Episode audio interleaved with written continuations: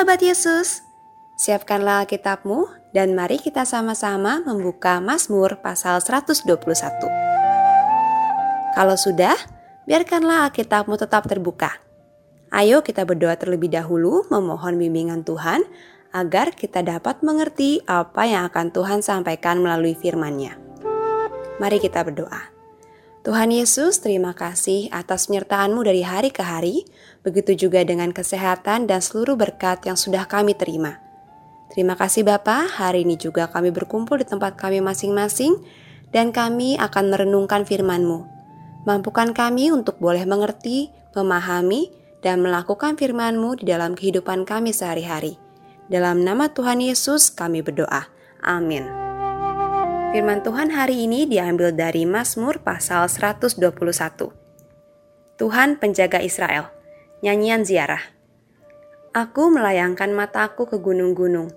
Dari manakah akan datang pertolonganku? Pertolonganku ialah dari Tuhan yang menjadikan langit dan bumi. Ia tak akan membiarkan kakimu goyah. Penjagamu tidak akan terlelap. Sesungguhnya tidak terlelap dan tidak tertidur penjaga Israel Tuhanlah penjagamu, Tuhanlah naunganmu di sebelah tangan kananmu. Matahari tidak menyakiti engkau pada waktu siang atau bulan pada waktu malam. Tuhan akan menjaga engkau terhadap segala kecelakaan. Ia akan menjaga nyawamu. Tuhan akan menjaga keluar masukmu dari sekarang sampai selama-lamanya. Renungan hari ini berjudul Penjagaku selalu terjaga. Mazmur 121 ayat 4 Sesungguhnya tidak terlelap dan tidak tertidur penjaga Israel. Ayo mentari, tidur sekarang dengan Kak Bulan. Kata Bulan sambil menggandeng tangan adiknya menuju kamar. Hmm, Mentari nggak mau bobo, nggak mau. Mentari menangis semakin keras. Eh, ada apa ini? Sudah malam kok Mentari nggak mau bobo malah menangis. Ujar papa heran. Pokoknya Mentari nggak mau bobok dengan kakak. Karena kemarin Kak Bulan bohong sama Mentari. Kak Bulan sudah tidur duluan. Mentari kan jadi takut sendirian di atas ranjang.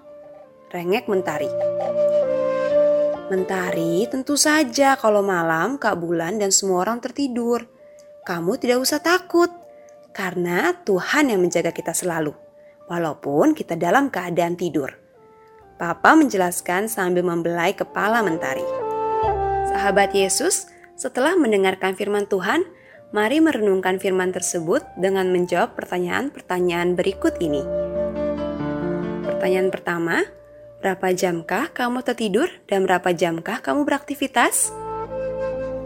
Pertanyaan kedua, apakah Tuhan terus menjaga kita selama 24 jam dalam sehari?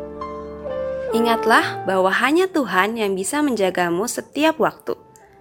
Ayo kita katakan bersama-sama, aku tahu bahwa hanya Tuhan yang bisa menjagaku setiap waktu.